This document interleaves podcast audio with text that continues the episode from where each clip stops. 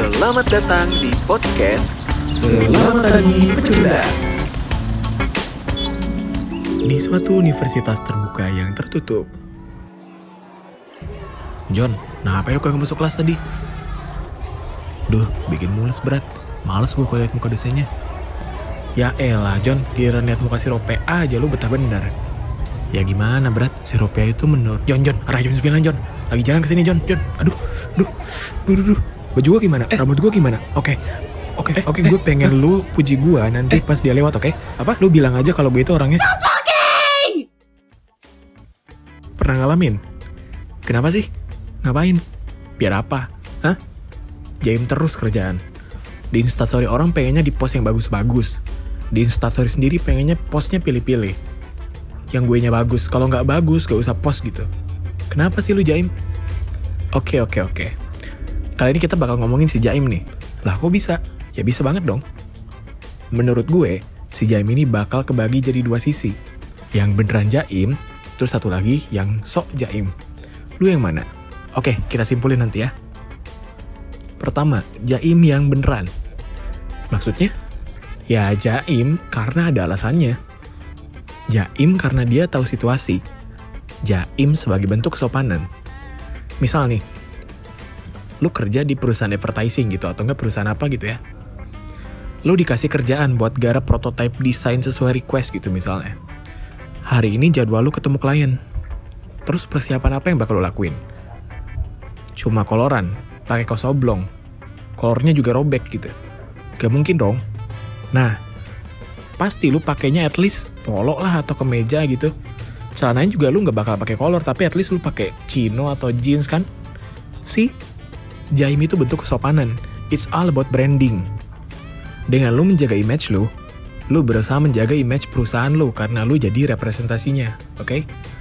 Next, Jaim juga adalah bentuk personal branding. Gini, gini, gini, gini. Kalau lu pengen tampil apa adanya, baju robek, celana robek, sepatu boots, rambut jamet, oke. Okay. Gue nggak akan ngurusin masalah itu. Tapi kalau lu ingin tampil terbaik di depan publik dan merasa nyaman dengan kondisi lu yang seperti itu, itulah personal branding. Cara lu untuk mempromosikan diri lu sendiri dengan menampilkan versi terbaik dari diri lu.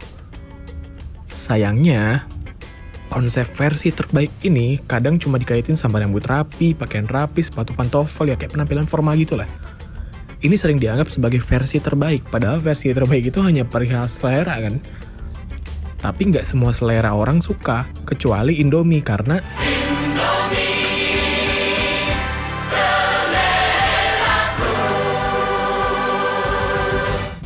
Oke, ini udah pengetahuan umum banget ya. Next kita coba lihat yang sok jaim nih. Yang kayak mana coba sok jaim nih? Yang kayak awal tadi. Dia berusaha untuk memanipulasi diri demi penilaian orang lain dengan harapan dianggap sebagai versi terbaik gitu. Padahal belum tentu kan, ini adalah bentuk ketidakpercayaan terhadap diri sendiri dan bentuk kepercayaan berlebih terhadap sesuatu yang diyakini benar menurut diri sendiri. Pusing ya?